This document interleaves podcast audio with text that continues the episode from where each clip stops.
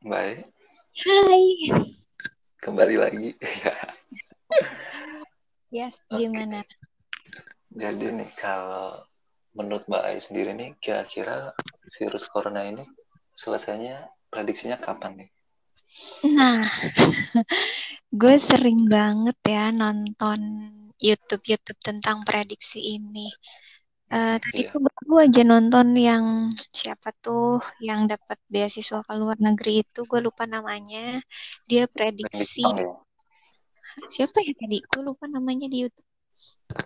Oke, dapat beasiswa lah pokoknya. Yang jago matematika itu dia kan prediksi ada tiga kemungkinan. Kalau di awal April pemerintah punya peraturan yang ketat, prediksinya itu sekitar Agustus September. Itu Sekarang kalau udah Mm-mm.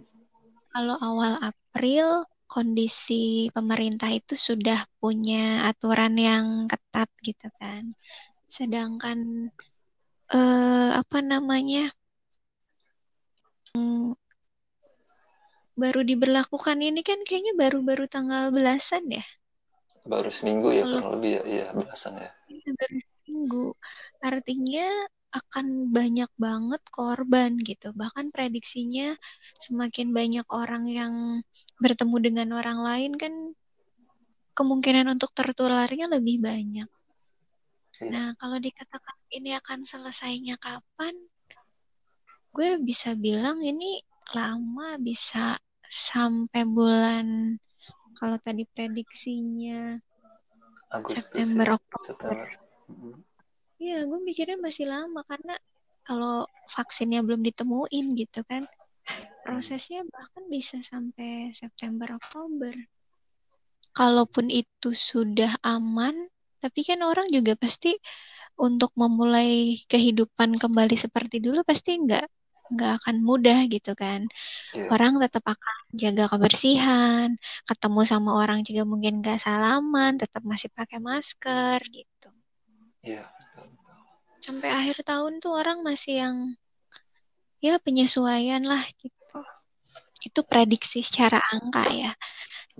Tapi prediksi yang lain gue nggak tahu.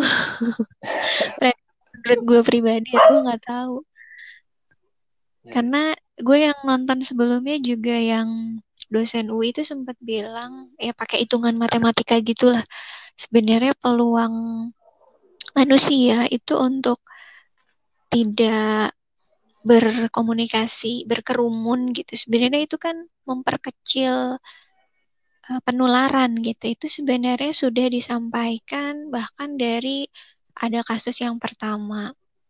Dan gue kaget gitu. Ternyata menurut uh, dosen UI itu sebenarnya di Indonesia itu kemungkinan sudah tertular dari bulan Februari. Februari. Iya, Sebelum diumumkan, kita kan dapat pengumuman itu 2 Maret. Berarti sebulan sebelumnya memang sudah ada, tapi eh, apa namanya tes di kita kan belum maksimal. Jadi orang masih ngerasa ya emang Indonesia bebas gitu. Ya terlepas itu masuknya kapan. Sekarang kan yang di depan mata korbannya setiap hari makin banyak. Ya iya, walaupun sekarang jumlah yang sembuh lebih banyak daripada korban yang meninggal gitu. Tapi kan iya, itu bukan patokan. iya. Dengan ada yang tertular sekarang sampai ribuan, bahkan udah 6.000 ya hari ini. 6.000 Iya, sekian. 6.575. Is update banget loh. Update. Berarti kan sekarang aja udah akhir April.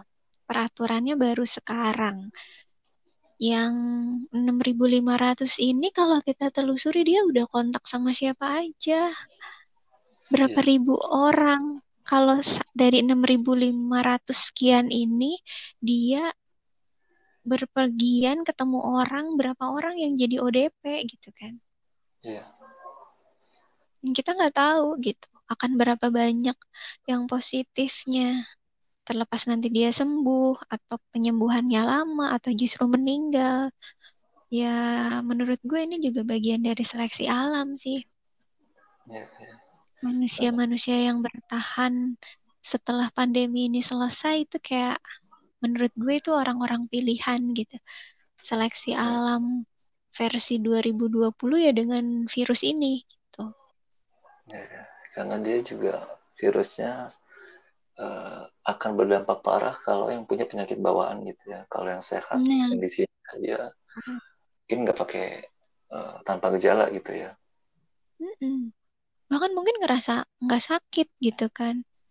Iya. Nah, ternyata pas di apa namanya dites positif baru mungkin secara psikologis beban segala macam malah kayak nambah sakit gitu kan. Iya. Kayaknya kalau gue merasa kapan pun ini akan berakhir, orang-orang yang selamat dari kondisi ini tuh adalah orang-orang pilihan.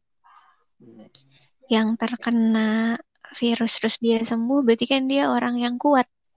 Secara fisiknya dia akhirnya bisa melewati proses ini. Nah, orang-orang yang nggak kena virus ini dan dia ada di rumah ketika pandemi ini pun selesai, kita tuh kayak orang-orang terpilih dilatih dengan kondisi seperti ini kita kuat nggak sih? Kita bertahan nggak sih? Gitu. Hmm. Terus kalau orang-orang yang menjadi korban gimana tuh? Berarti dia tidak kuat dalam Nah, yang enggak sih, maksudnya gini, kalaupun yang jadi korban ya memang sudah begitu jalan hidupnya. Oke, iya. Memang sudah. Begitu jalan hidupnya, sudah takdirnya dia sampai di situ gitu kan. Kalau dia beriman berarti mungkin dia dapat apa kalau menurut Mas Andre langsung masuk surga gitu kan? Iya. Kalau yang meninggal dengan segala apa yang sudah dia lakukan di dunia gitu, memang begitu jalan hidupnya, jalan takdirnya. Nah, tapi menurutku orang-orang yang bertahan sampai ini selesai, yaitu orang-orang yang terpilih. Terpilih apakah dia memang bisa bertahan dari kondisi ini dan meningkatkan jadi orang yang lebih baik, atau dia memang bertahan orang yang terpilih tapi hidupnya gitu-gitu aja. Gitu. Hmm, ya pemikiran bagus tuh bisa jadi juga seperti itu ya. Mm-mm. Jadi kalaupun dia masih hidup, belum tentu loh dengan kondisi ini dia jadi seseorang yang lebih baik atau justru malah sebaliknya gitu.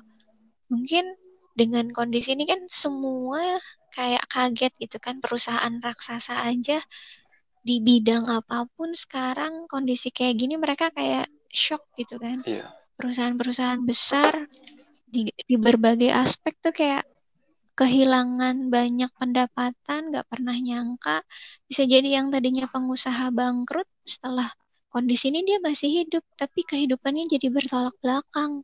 Jadi dia yang nggak punya apa-apa kan bisa aja. Iya. Apakah dia masih bisa bertahan dengan perubahan kondisi ini, atau justru jadi seseorang yang lebih baik menerima kondisinya gitu? Jadi memang ya memang ini sudah jalannya seperti itu gitu ya kita juga sebagai manusia ya hanya bisa menerima hanya bisa juga, juga melihat dari yang segi positifnya. Sisanya kita serahin dengan takdir Tuhan aja.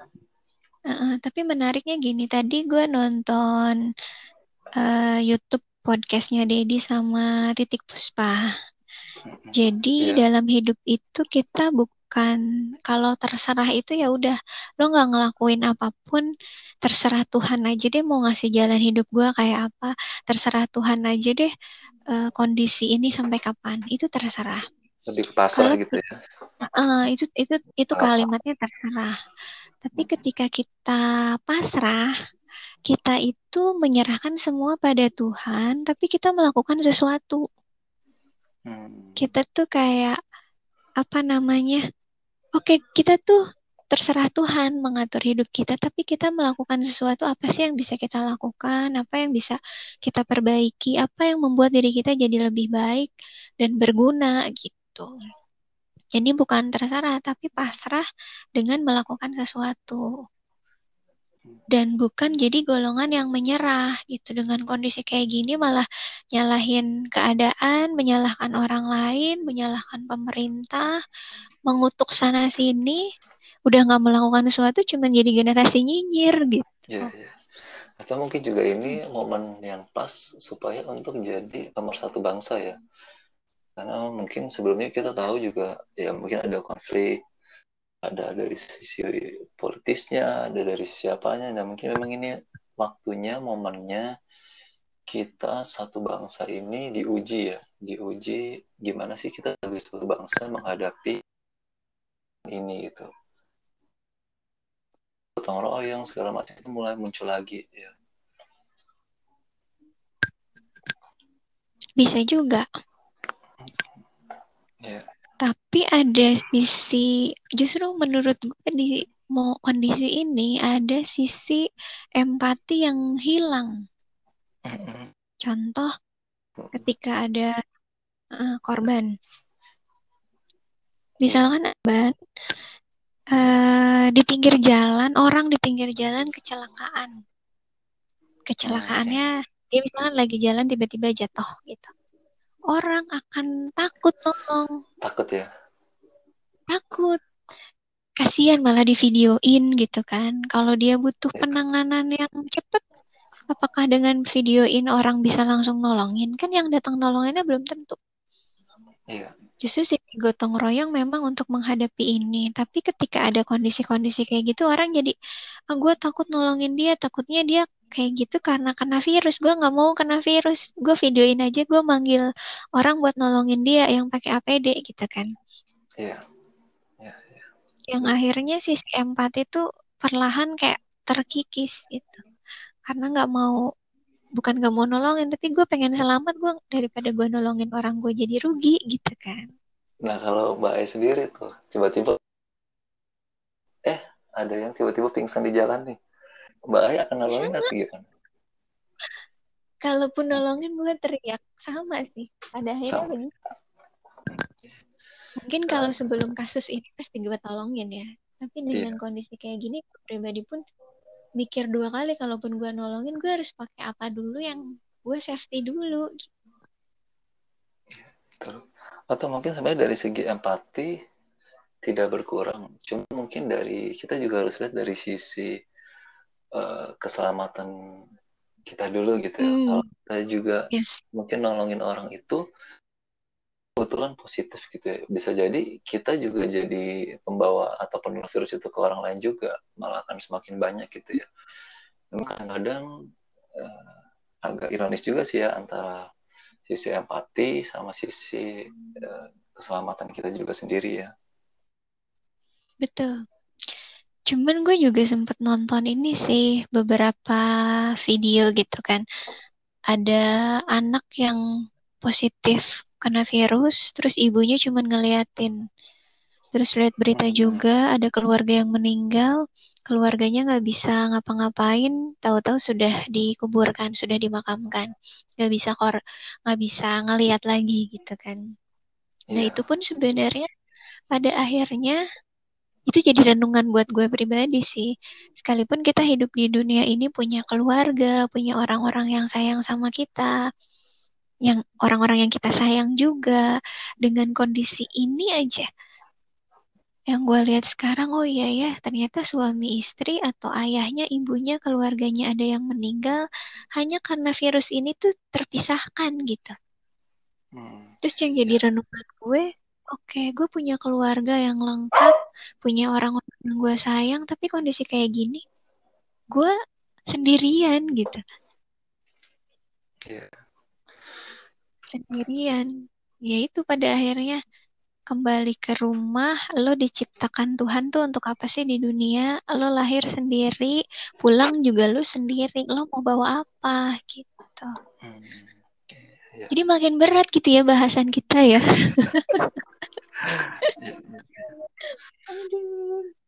Jadi, nah kalau gitu harapannya nih dari Mbak Ai sendiri, kan tadi prediksi mungkin sekitar bulan September, Oktober gitu ya.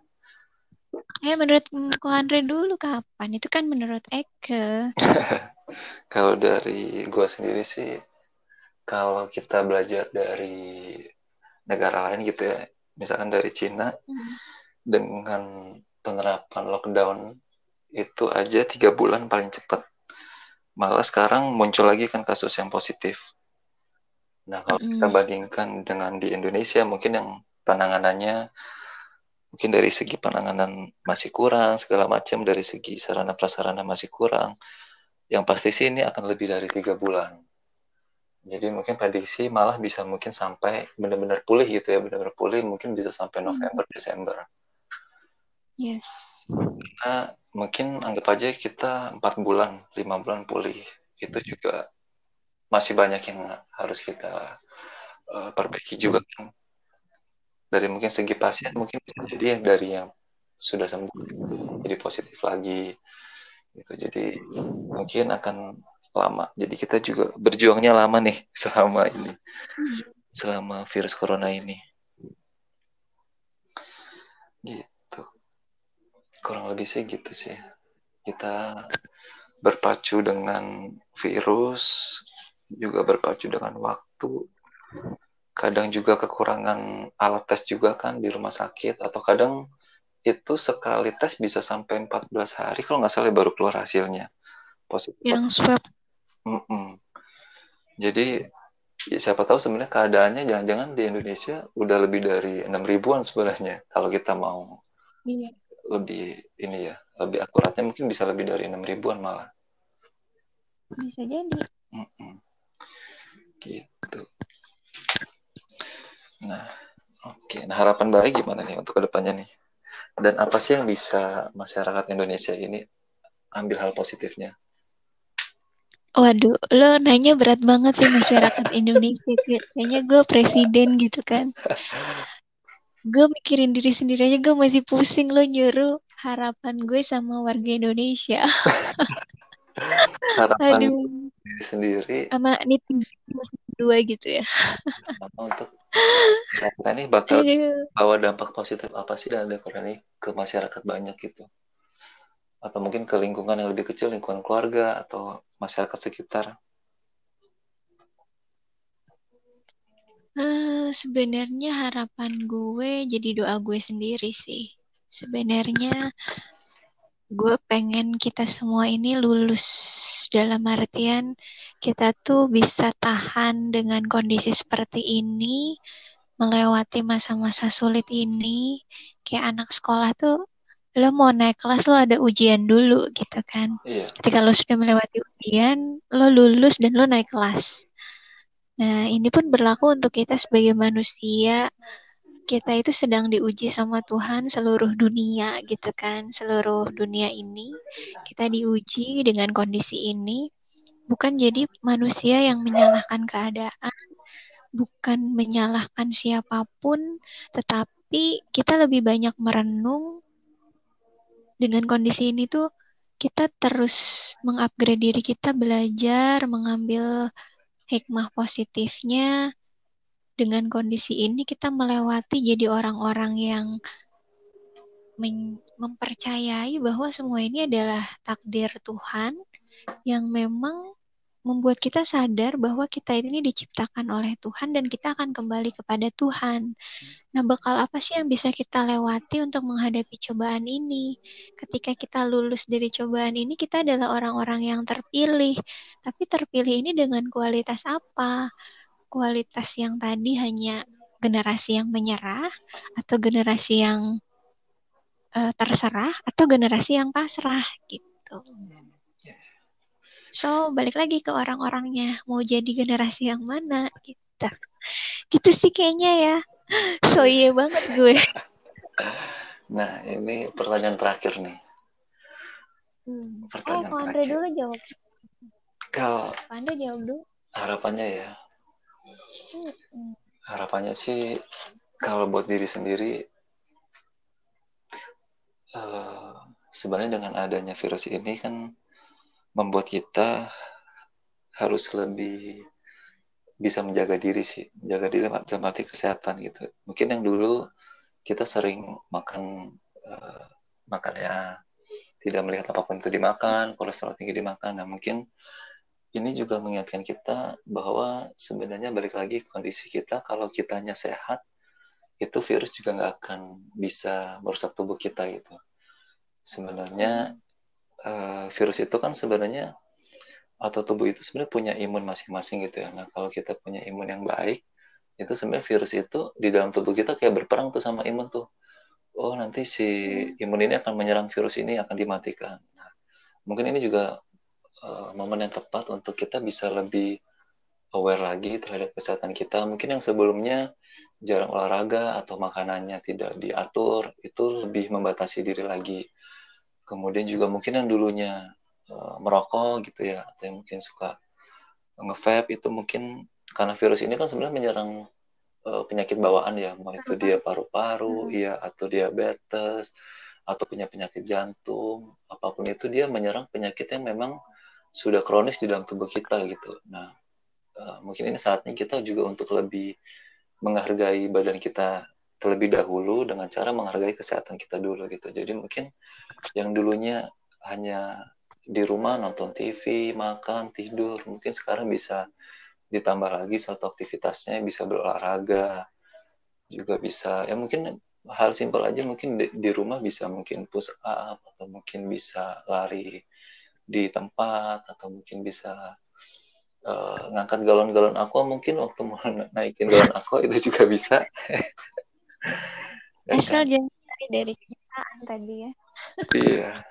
Jadi itu sih mungkin yang paling kalau buat aku sih pertama kesehatan sih. Kedua juga mungkin uh, kalau dari segi adaptasi ini juga momen yang pas untuk ibarat kayak karet nih. Kita manusia kayak karet kita tuh lagi ditarik seberapa sih batasan kita untuk bisa longgar untuk bisa elastis seberapa kita bisa sebagai manusia untuk adaptasi terhadap perubahan ini mau dari perubahan mm -hmm. uh, pekerjaan kemudian perubahan mungkin tadi uh, pola hidup perubahan juga mungkin interaksi ke orang-orang, perubahan menjaga diri sendiri, itu akan berdampak besar sih. Bagaimana kita juga lebih aware lagi terhadap lingkungan. Nah, adaptasi ini yang mungkin uh, pengalaman yang mahal ya buat kita sebagai satu individu manusia di dalam dunia ini, maupun sebagai satu bangsa Indonesia untuk bisa lebih menghargai hidup lagi sih. Jadi kita Hmm. Hidup itu bukan hanya sekedar ada di dunia, tapi kita juga menghargai hidup kita sendiri gitu. Ya mungkin paling paling simpel ya mungkin dulu kita sering buang sampah sembarangan ya kan. Ya sekarang mungkin lebih bersih lagi. Mungkin dulunya kita makan pecel lele kan di warung nggak cuci tangan kan. Habis megang uang langsung makan. Mungkin kita bisa cuci tangan dulu hal-hal simpel itu udah gitu lelenya habis makan kotoran manusia gitu kita makan ya itu sih karena balik lagi sih kita akan kembali ke pencipta kita masing-masing ya nah kita yeah.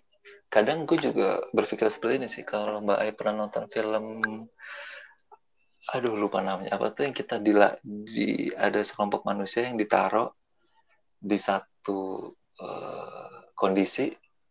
Nah di situ akan dilihat tuh manusia mana sih yang bisa bertahan hidup gitu. Nah ini juga sama sih. Iya lupa filmnya judulnya apa. Itu yang ada sampai triloginya sih. Cuma lupa judulnya. Nah itu gue juga berprinsip sama sih kita tuh kayak di bumi ini juga diseleksi lagi nih. Manusia mana sih yang bertahan hmm. hidup? Manusia manusia mana yang memang bisa layak nih untuk bisa menikmati kehidupan juga? Manusia mana sih yang mungkin masih bisa diberi kesempatan untuk menghargai hidup lagi? Itu sih paling. Hmm. jadi juga harapannya juga semoga virus ini bisa cepat hilang dari muka bumi kan jadi supaya kita bisa jalan-jalan lagi keluar kan. Menikmati udara lagi kan nggak menikmati uh, di rumah terus gitu kan. Kadang-kadang kangen juga kita untuk lihat ke jalan-jalan kan. Atau kita ketemu oh, sama teman. iya. Pergi beli makan ke salon. Iya. Jadi inget itu loh yang Po Alfa. Yang dia udah seneng banget ke Alfamart gitu dan gue sama sekali nggak pernah keluar rumah loh sama sekali nggak pernah Enggak. Oh, dari semenjak di belakang oh, oke okay. iya yang keluar kakak gue beli kayak beli bahan makanan segala macam kakak gue yang keluar gue sama sekali nggak keluar yang keluar itu benar-benar cuma depan rumah duduk hmm. okay, okay. itu makanya gue butuh hidup udara yang selain di depan rumah gue gitu Iya, iya. Oh my god. Setuju. tapi nggak bikin kulit gue jadi putih juga sih tetap aja eksotis gue diem di rumah nggak akan lebih putih dari Ko Andre sih yang pasti gue tetap Indonesia asli kulit gue kayak gula Jawa Untung bukan kayak dagu anak kafe ya. ya tetap manis kan nggak jadi gula pasir sih Oke, ini pertanyaan terakhir nih kalau gitu Mbak ya. Nah, Hmm.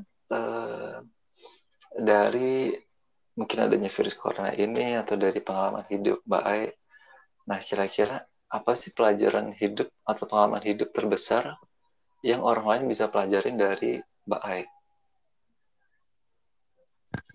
Hmm, kalau orang pelajarin dari gue, kayaknya nggak ada sih. Masa nggak ada? Cuman eh, ya secara langsung kayaknya nggak ada. Tapi yang gue juga belajar dari orang lain. Hashtag yang sering gue lihat sebelum gue diaktif IG itu katanya adalah jaga iman, jaga imun. Hmm. Jaga iman dengan kondisi apa pun kita sekarang. Yang pasti kita percaya bahwa Tuhan itu tidak akan memberikan cobaan di luar kemampuan umatnya. Yang itu akhirnya kita percaya bahwa adanya Tuhan, bahwa Tuhan ngasih masalah pasti dengan solusinya.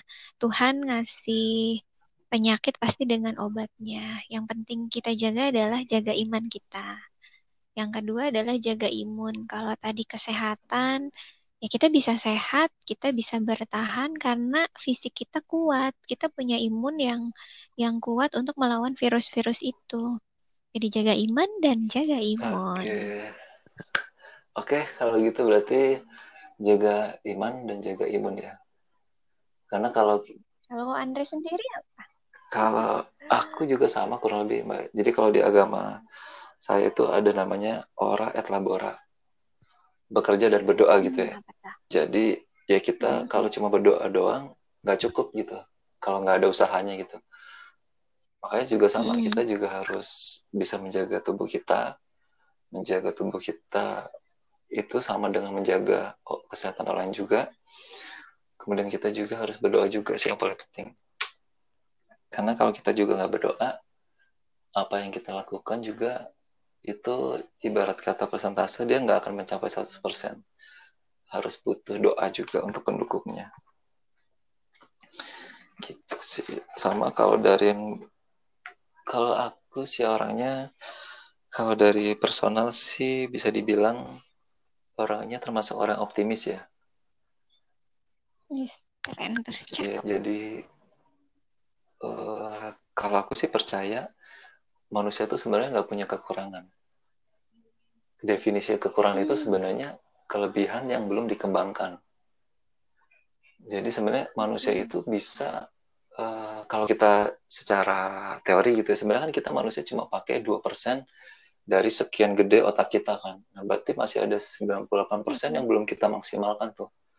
Nah, cuma kadang kita juga Ya. eh, kita juga mungkin kadang harus berusaha lebih keras lagi untuk mencari tahu apa sih 98% lagi yang bisa kita kembangkan.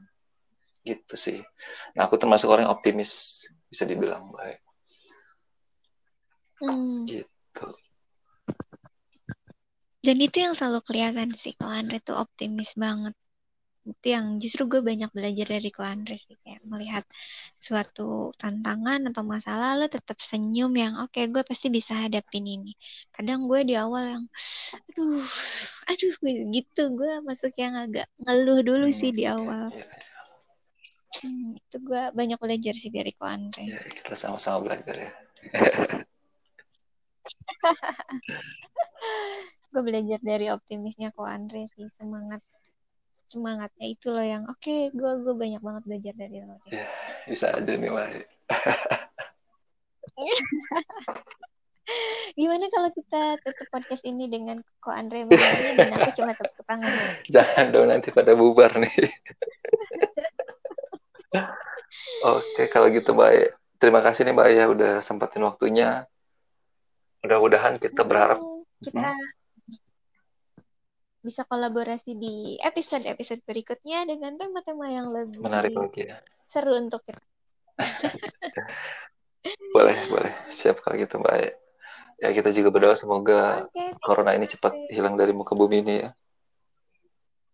Ya, betul. Dan kita kembali menjadi manusia-manusia yang lebih baik lagi. Oke. Oke, sekian baik. Terima kasih. Sampai ketemu lagi di podcast berikutnya. Oke, see you Mas Andre.